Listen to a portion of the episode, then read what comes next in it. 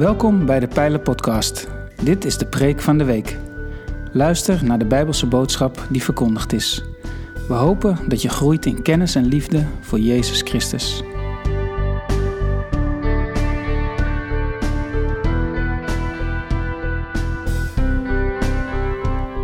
Ook in de Pijler zijn we gestart met een nieuwe kerkelijk jaar. Het overkoepelend thema dit jaar is Alleen Samen.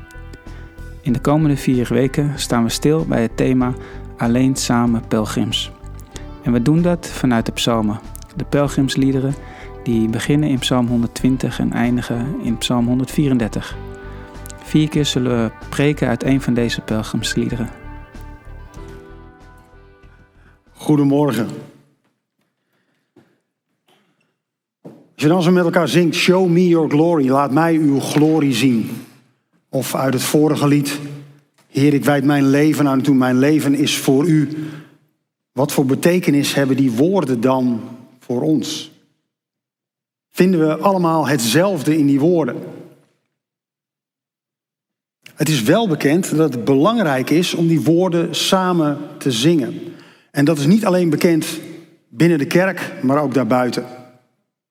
Uh, gisteren was er een, uh, een groot protest voor uh, Unmutas, de, de, publieke sector, de, de entertainment sector die weer open wil. Want ja, als we met z'n allen bij een aantal rondracende auto's kunnen zitten, waarom dan niet bij een festival? Dat is hun argument. Um, en ergens begin augustus werd voor de tweede keer in twee jaar werd het festival Lowlands werd geannuleerd. Het kon niet. En rapper Twan van Steenhoven, uh, Big Two, van de formatie The Opposites. Ik denk dat een heleboel van jullie die niet kennen. Daar een paar jongens, misschien kennen jullie The Opposites? Willy en Big Two? Niet bekend? Oké, okay, er zitten in de leeftijdscategorie ertussenin. The Opposites is een rapformatie van twee man en die treden vaak op op festivals. Um, herkenbaar aan fantastische albumtitels als Dom, Lomp en Famous. Um, Tom van Steenhoven die zegt in de krant op 11 augustus... Ik ben er net als Nederland, de rest van Nederland zo ontzettend klaar mee dat evenementen worden geannuleerd. Het was fijn geweest om weer op dat podium te staan en de vreugde van het publiek te voelen. Het is echt ook heel even nodig voor iedereen, want er was het afgelopen anderhalf jaar elke week wel iets waar we allemaal verschrikkelijk boos over waren. Elke week moest iemands kop eraf. Het deed me realiseren dat het echt nodig is om met 20.000 mensen tegelijk hetzelfde liedje te zingen. Het heeft blijkbaar echt zin. En het heeft een maatschappelijk doel, al dat gefeest en al dat meezingen. Tot zover de rapper.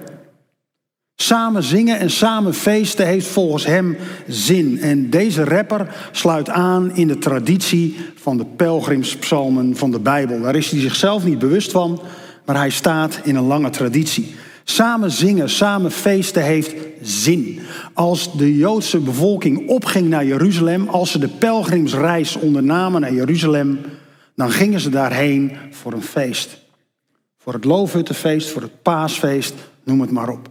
Daar gingen ze heen om elkaar te ontmoeten. Om de mensen te zien die wat verderop woonden. En soms ook om met dezelfde mensen te reizen die ze bijna elke dag in hun dorp zagen. En onderweg zongen ze de liederen. En dat samen zingen, dat geeft kracht en dat geeft saamhorigheid. En dat samen zingen van, van liederen kan je wijzen op de vreugde die het geeft om God te kennen, waar Jerry vorige week over gesproken heeft. En vandaag wil ik kijken naar een psalm die veel meer inzoomt op de belofte van God.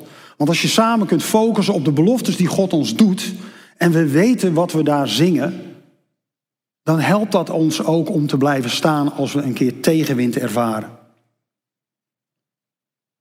En we hebben wat tegenwind te ervaren in onze omgeving, in ons land, in de wereld. Er zijn weinig stenen die nog normaal op elkaar lijken te blijven staan. Het lijkt aan alle kanten te rommelen. Ik wil met u lezen uit Psalm 128. Ik ga eerst de hele psalm lezen en daarna ga ik op delen inzoomen. Voor degenen die een Bijbel bij zich hebben, sla hem gerust open. Psalm 128. Een pelgrimslied. Gelukkig ieder die ontzag heeft voor de Heer en de weg gaat die Hij wijst. Je zult eten wat je werk opbrengt, geluk en voorspoed vallen je toe. Je vrouw als een vruchtbare wijnstok in het midden van je huis. Je kinderen als jonge olijfbomen in een kring om je tafel. Ja, zo wordt gezegend de man die ontzag heeft voor de Heer. Ontvang de zegen van de Heer uit Sion. Verheug je in de voorspoed van Jeruzalem, alle dagen van je leven. En verheug je in de kinderen van je kinderen. Vrede over Israël. Als je dit soort psalmen met z'n allen zingt, dan kweekt, het, dan kweekt het een verwachting. We lezen een belofte van God. Het geeft kracht om door te gaan. Het geeft moed om tegenslag te overwinnen. En heel Israël was in die tijd bekend met de betekenis van de woorden. Er zijn weinig culturen in de wereld die zo goed waren en zo consistent waren in het overdragen van hun cultuur van generatie op generatie tot en met vandaag aan toe. De ouders leren hun kinderen, de kinderen leren hun kinderen en hun kinderen kinderen. En zo ging het door. We hebben dat afgelopen jaar met het Pesachfeest gezien, of de Paasfeest. Toen zaten we in de zaal en dan, toen hadden we het moment van de oudste aan tafel en de jongste aan tafel. Waar het jongste kind de vragen stelt aan de oudste. En die krijgt dan antwoorden. En zo wordt van generatie op generatie een cultuur, een gedachtegoed uniform overgebracht, zodat ze continu blijven weten wat er zit in de woorden die ze zingen. Maar ja, hoe is dat voor ons? Als westerse christenen, ver weg van de Joodse cultuur, lezen wij hetzelfde in zo'n psalm? Begrijpen wij elkaar?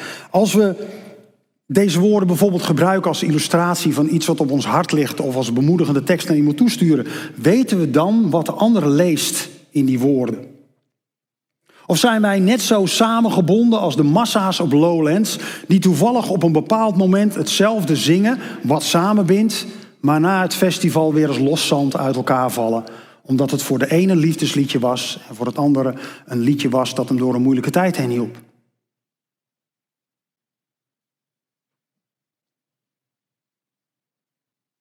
Bij het Joodse volk gebeurde dat niet. Zij werden juist versterkt door het samenkomen. Zij zongen en spraken over gemeenschappelijke dingen die ze lazen in de woorden van de psalmen. En als wij deze psalm lezen, en we lezen de eerste zin waar Hendrik ook al mee begon, gelukkig ieder die ontzag heeft voor de Heer en de weg gaat die Hij wijst. Wat lees je dan? Nou, het gaat hier ten diepste over het kennen van de Heer. Je kunt namelijk geen ontzag hebben voor iets dat je niet kent. Als je nog nooit van iets gehoord hebt, het nog nooit gezien hebt, het nog nooit ervaren hebt, dan kun je geen ontzag hebben. En dan kan het je ook de weg niet wijzen. Dat is net zoiets als een onzichtbare tomtom en een onhoorbare tomtom in je auto. En je blijft maar rechtdoor rijden, totdat je denkt, gaat hij nou nog wat vertellen of niet? Een gids die je niet ziet, niet hoort, niet kent, daar kun je geen respect voor hebben, daar kun je geen ontzag voor hebben. Dus het ontzag hebben voor de Heer betekent dus ook het kennen van de Heer.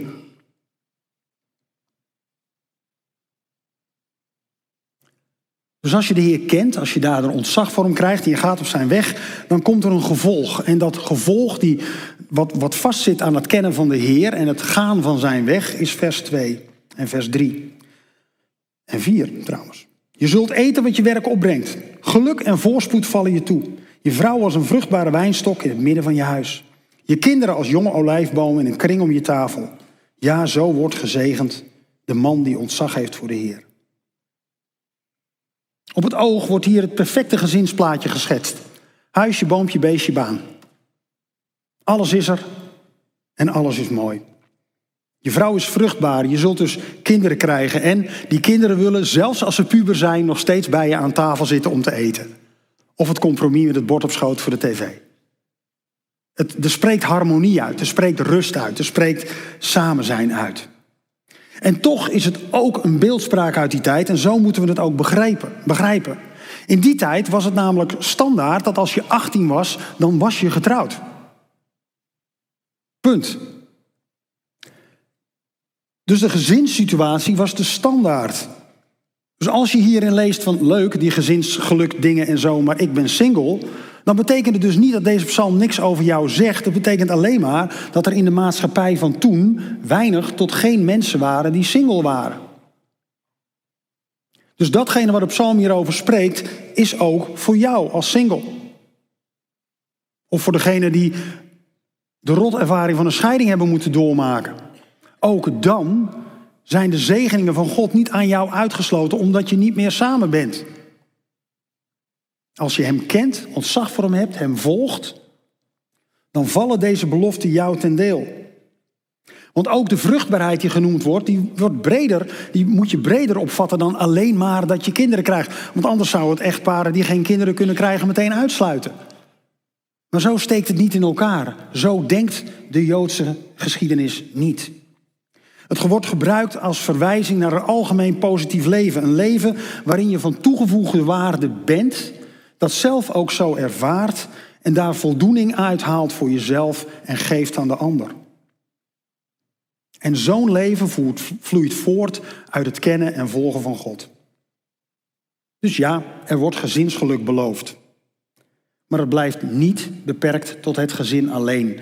Dat ontzag hebben, het kennen van de Heer, dat is de oorzaak van het gelukkige leven voor iedereen die zijn wegen volgt. Er is ook een vers in dit stuk, wat mogelijk, misschien niet hier, maar sowieso als je hem in kerkelijk Nederland neerlegt, verschillende beelden oproept. Dat is vers 2. Je zult eten wat je werk opbrengt, geluk en voorspoed vallen je toe. En er zijn mensen die dit lezen als, je zult rijk worden. Een gave belofte, toch? Dat wil iedereen wel. En er is zelfs een hele leer die zegt zich op de Bijbel te beroepen, die claimt dat dat de enige juiste manier is om dit vers te lezen. Dat God jou een belofte geeft dat als je Hem kent, Hem volgt, dat je dan rijk zult worden. En hoe gaan we daarmee om? Als gelovig zijn, God volgen voor de ene betekent dienaar zijn, nederig zijn. Soms gaan terwijl je misschien geen zin hebt omdat je weet dat gehoorzaamheid belangrijk is. En voor de ander is het alleen maar, ik geef je wel wat, maar ik verwacht het dubbel terug, want dat heeft God mij beloofd. In geld, in bezittingen. Dus als ik al iets geef, zit er altijd die agenda achter dat God mij beloofd heeft om rijk te worden. Dat zijn twee totaal verschillende dingen. En als we die allebei verschillend hebben, ja, sorry, maar dan lezen we het anders. En wat is dan de juiste manier om het te lezen? Als gemeenschap is het onze taak om dat soort dingen te toetsen, met elkaar te leren begrijpen. Te leren een weg te vinden in al die wirwar van uitleggen van de Bijbel, om te kijken dat er iets is waarvan we zeggen: hé, hey, volgens ons, in de breedte, is dit de beste manier om hiermee om te gaan. De meest vruchtbare, de meest dienstbare aan God. En als we dat niet doen, als we op onszelf teruggeworpen worden, dan wordt iedere bron die we op internet vinden dezelfde waarheid. Dan is degene die A beweert net zo belangrijk als degene die B beweert. En dan wordt het de kwestie van, joh, wat past mij het beste? En ik kan u nu al vertellen dat bij de meesten rijk worden, maar dat past aardig. Ik weet niet hoe het met u is, maar ik heb een bankrekening met heel veel ruimte. Daar kunnen best een paar nullen bij. Maar vraagt de Bijbel ons dat ook? Juist in deze gemeenschap mogen we en moeten we samen ontdekken. En bouwen we elkaar op door kritisch te zijn, dat is iets anders dan lomp en, en, en grof, um, en aanspreekbaar te zijn. Dat als wij iets denken en iemand anders heeft daar een andere gedachte over, dat we met elkaar in gesprek gaan. De stroming die u vers 2 uitlegt als je zult rijk worden, heet het welvaartsevangelie. De goede boodschap met het woord welvaart ervoor. Um, de verkondigers van die leer zullen het u uitleggen als een recht op rijkdom. En ik vertel u hier vandaag dat dat een dwaalleer is. En dat mag je met me eens zijn of niet. Ik wil elke discussie met iedereen aan. Op basis van de Bijbel, op basis van wat Gods woord mij vertelt, kan ik u vertellen dat het een absolute dwaalleer is. Het leidt u af van Gods juiste bedoeling. Het leidt u af van een leven dat dienstbaar is aan Hem. En het leidt u af van het pad waarin we een gemeenschap zijn. En toch zijn er ook in Nederland sprekers die deze leer als waarheid verkondigen. Sommigen doen het heel openlijk en sommigen die, ach, verweven zo nu en dan wat van die klanken in hun spreken. En dan denk je misschien, en misschien zit je thuis ook wel te denken, kom dan, namen, rugnummers, ik wil ze nu weten. En ik heb erover nagedacht of ik mensen bij naam zou noemen. En ik ga nu alvast vertellen, dat ga ik niet doen.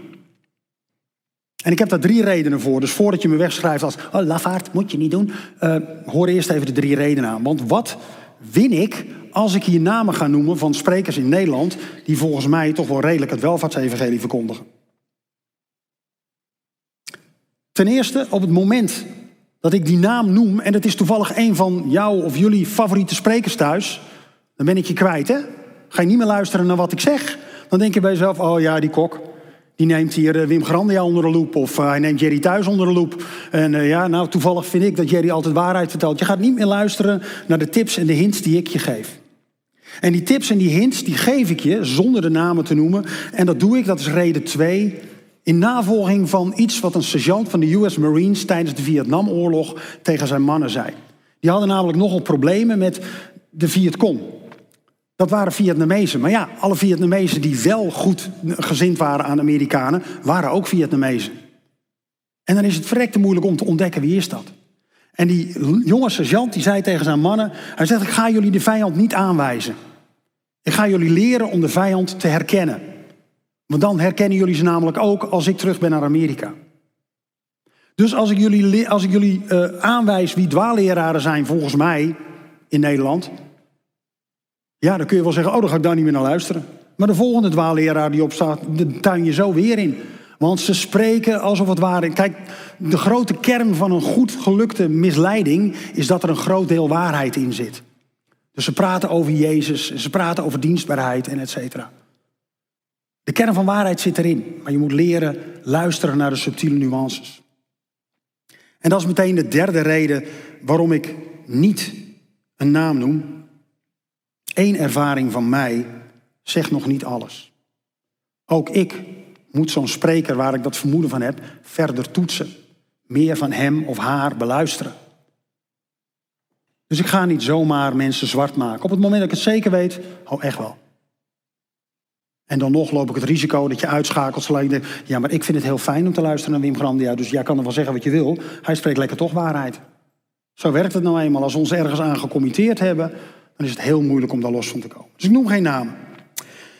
Ik was via YouTube een korte overdenking aan het kijken van een, uh, een ja, een evangelist die veel via YouTube uh, overdenkingen doet. En ergens in die overdenking zei hij het volgende over de discipelen van Jezus. Kennelijk hadden deze jongens best wel wat geld. Daar hebben ze onderzoek naar gedaan. Ze hadden. Oh, oh, oh. Dan ben ik een stuk van mijn citaat kwijt. Nou, ze hadden uh, eigen bedrijven, ze hadden uh, eigen boten, ze hadden een grote business overgenomen van hun vaders. En daarmee eindigt de quote. Dus hij stelt in dat stuk, de discipelen waren eigenlijk helemaal niet arm. En dat is wel het beeld wat wij hebben. Wij hebben het beeld van vissers die met elkaar een bootje bij elkaar schrapen, het water opgaan en de ene dag meer en de andere dag minder vis haalt. Aan land haalt, dat verkoopt en zo een beetje hun levensonderhoud voorzien. En hij zei: nee, daar hebben ze onderzoek naar gedaan. Dat is niet zo. Dit waren businessmen. Dit waren jongens die best wel een groot bedrijf hadden. Nou, dan word ik geïnteresseerd. Dan denk ik: hé, hey, wacht even. Dit, dit staat een beetje haaks op wat ik altijd geloofd heb. En dan wil ik graag weten welk onderzoek is dat. Want stel je voor dat iemand die uh, de Griekse taal van toen heel erg machtig is, dat die nieuwe verbanden heeft ontdekt of nieuwe betekenissen in woorden die hij uit andere geschriften haalt en daarin iets leest wat ik niet kan. Of een archeoloog die een opgraving gedaan heeft, of een geschiedkundige die een bepaald verband legt in de geschiedenis, dat je denkt van, oh dat is interessant. Want dan moeten we ons beeld van de discipelen van Jezus iets bijstellen. Dus, ik stuur een mail. Hallo beste spreker, Ehm, ik hoor je verhaal en ik ben benieuwd naar welk onderzoek je aanhaalt, want ik ken het nog niet. Nou, het was vakantie, dus het duurde even. Uiteindelijk kreeg ik, een, ehm, kreeg ik een mail terug waarin het beloofde onderzoek gedeeld werd. En wat ik kreeg waren ongeveer 7 à 8 pagina's van een PDF uh, uit een boek, een Engelstalig boek, waar geen titel bij genoemd werd en geen schrijver. En in het boek las ik dat de schrijver die stelling inderdaad inneemt. Dat hij vond dat de discipelen rijk waren. Hij vond dat ze een eigen bedrijf hadden. Hij vond dat ze zelfs ook dienaren hadden, et cetera. Nergens een onderzoek. Nergens een verwijzing naar iemand die een beetje gewicht in de schaal legt die dat heeft. Dit was dus de mening van de schrijver. Maar ik wist niet wie de schrijver was. Nu kan ik ook een beetje zoeken op Google. En ik heb het boek gevonden. Het was het boek Laws of Prosperity van Kenneth Copeland. En Kenneth Copeland is zo'n beetje het boegbeeld van de welvaartstheologie. Daar hebben we Kenneth. Kenneth Copeland is echt een boegbeeld van de welvaartstheologie. En hij zal je altijd vertellen van joh, het moet niet om geld gaan. Geld is niet belangrijk. Als je vastzit aan je geld is het fout. Dus je moet geven en God zal je tweevoudig teruggeven. En geven vooral aan mij, aan mijn club. En op het moment dat iemand zegt dat geld niet belangrijk is, die zelf drie vliegtuigen heeft, waarvan de laatste aangeschaft voor 20 miljoen, een huis heeft van 7 miljoen dollar, talloze auto's heeft, dan denk ik bij mezelf, jongens, dan matcht er iets niet bij mij. Kenneth Copeland is voor mij het voordeel, een voorbeeld van een dwaaleraar. En die wordt aangehaald als een onderzoek, wat helemaal geen onderzoek blijkt te zijn, in een mail die ik terugkrijg van deze spreker. Dus de tip hier is, als je predikanten hoort verwijzen naar een onderzoek, als je predikanten hoort verwijzen naar bepaalde personen en je denkt, hé, hey, daar had ik toch andere dingen over gehoord, dat staat er haaks op. Onderzoek het dan. Het is je taak om het te onderzoeken. Het is je taak om te kijken, klopt dit? Het is je taak om het te leggen naast de Bijbel in de breedte. Het is je taak om God te kennen, zodat je ontzag voor hem krijgt en zodat je zijn wegen kunt volgen.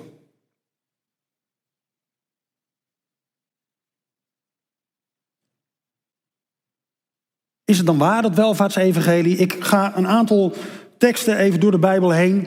Ga ik uh, voor u voorlezen. We gaan ze niet projecteren. Dus luister gewoon goed. Wilt u de teksten daarna nog een keer hebben? Stuur me even een e-mailtje, krijgt u ze zo van me. Gewoon even een aantal dingen die haken aan het onderwerp rijkdom. Die haken aan dat vers 2. U zult leven van de opbrengst van uw werken. Betekent dat dat we rijk worden of niet? In Psalm 50, vers 9 lezen we al dat God helemaal geen behoefte heeft aan onze rijkdom. Maar de stier uit je stal heb ik niet nodig, noch de bokken uit je kooien. God is duidelijk. Onze materiële welvaart doet hem niks. Nul. In 1 Timotheus 6, vers 4b tot en met 5 zegt Paulus tegen Timotheus, zo iemand, en dan heeft hij het over mensen in de gemeente, begrijpt niets, maar is ziek door zijn geredetwist en geruzie. Dat leidt tot afgunst, oneenigheid, laster en kwaadaardige verdachtmakingen. En tot eindeloze krakeel tussen mensen van wie de geest verziekt is, die van de waarheid beroofd zijn en denken dat het geloof hun geldelijk gewin brengt. En dan gaat hij verder in de versen 9 en 10. Wie rijk wil worden, staat bloot aan verleiding raakt in een valstrik en valt ten prooi aan dwaze en schadelijke begeerten die een mens in het verderf storten en ten onder doen gaan. Want de wortel van alle kwaad is geldzucht. Door zich daaraan over te geven zijn sommigen van het geloof afgedwaald en hebben ze zichzelf veel leed berokkend. Is dat alles? Nee hoor. Jezus had er ook wel over te zeggen. Matthäus 8, vers 20. Jezus zei tegen hem: De vossen hebben holen, de vogels hebben nesten, maar de mensenzoon kan zijn hoofd nergens te rusten leggen. Jezus had geen bezittingen. Jezus was niet iemand die op zoek was naar de weldaad. En als toch iemand de zegeningen van God heeft ervaren, dan is het Jezus wel. Als we niet naar Hem kijken over hoe een leven eruit zou kunnen zien, zou moeten zien, zou mogen zien, dan missen we volgens mij een heel groot deel van het plaatje. In Lucas 12, vers 15 geeft hij antwoord op iemand die aan Jezus vraagt: Wilt u bemiddelen tussen mij en mijn broer, want die wil de erfenis niet met, met, met me delen? En dan zegt Jezus: Hij zei tegen hen: Pas op, hoed je voor iedere vorm van hebzucht, want iemands leven hangt niet af van zijn bezittingen, zelfs niet wanneer hij die in overvloed heeft.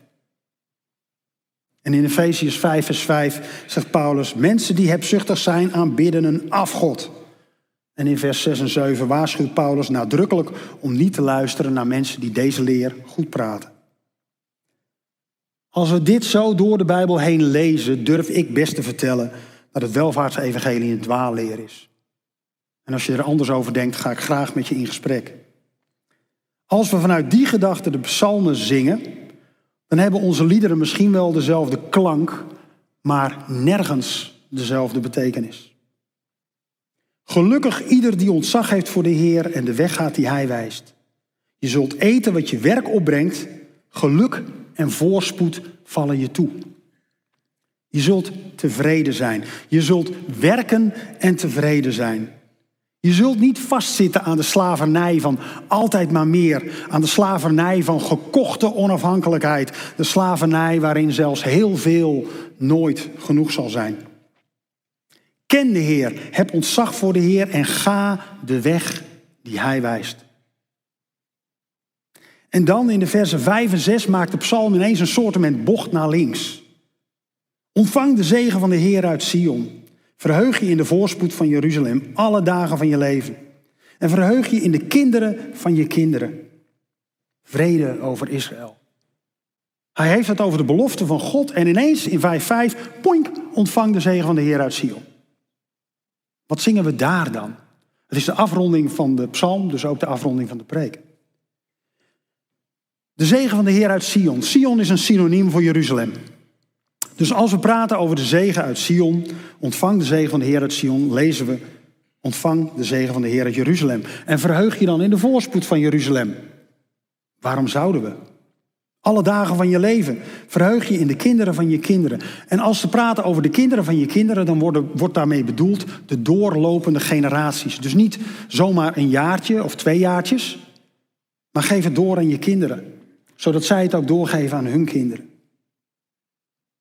En dan eindigt het met de, zegen, de, de, de zegening vrede over Israël. Voor de Joden uit die, tijd was deze afslag, de versen uh, 5 en 6, was, was best logisch. Jeruzalem was namelijk hun hoofdstad. Het was een symbool voor veiligheid. Het was voor hun thuis. Het stond symbool voor de bescherming van God. Maar wat lezen wij erin? Hebben wij meer dan alleen maar politieke interesse in Jeruzalem?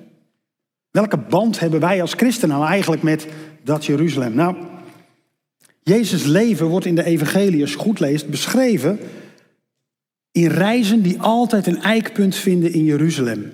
In Jeruzalem gebeuren de grote dingen. In Jeruzalem geeft hij de grote klappen van zijn onderwijs. Jezus gaf zijn leven voor onze zonde in Jeruzalem. Dus onze vergeving komt uit Jeruzalem. Jezus stond op uit de dood in Jeruzalem. Dus de belofte van eeuwig leven komt tot ons uit Jeruzalem. En de eerste gemeente ontstond in Jeruzalem. Onze voorgeschiedenis ligt in Jeruzalem en komt vanuit Jeruzalem hier tot in de pijler, tot in vandaag en tot elke kerk waar je samenkomt. En het zijn niet alleen die zegeningen uit onze geschiedenis die wijzen naar Jeruzalem, maar Jeruzalem is ook onze toekomst. Want uiteindelijk komt er een nieuw Jeruzalem, waarin geen traan meer zal zijn, waarin geen verdriet meer zal zijn, waarin geen pijn, geen lijden meer zal zijn. Dat nieuwe Jeruzalem, dat is de plek waar wij naar onder, onderweg zijn. Dat is onze toekomst. Dus we blijven pelgrims. Niet onderweg om vergankelijke schatten te verzamelen hier op de aarde, maar om te beheren. Om rentemeester te zijn, om met elkaar te delen. Om met elkaar gemeenschap te zijn, om elkaar te kennen en gekend te zijn. Om te groeien in wat we begrijpen en wat we nog lastig vinden. Alleen samen, onderweg als pelgrims, met de teksten, met de woorden die we hebben leren kennen, die we hebben leren begrijpen. Totdat we elkaar weer zien in Jeruzalem. Amen.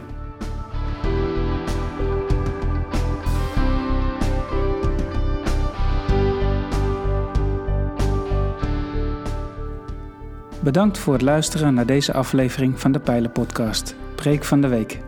Heb je vragen naar aanleiding van deze preek? Stel ze. Dat kan via een e-mail naar onderwijs.pijler.nl. We helpen je graag verder in je groei als leerling van Jezus Christus. Abonneer je op deze podcast zodat je altijd op de hoogte blijft van het onderwijs uit de pijler. Goede week gewenst, ga in vrede, want God is nabij.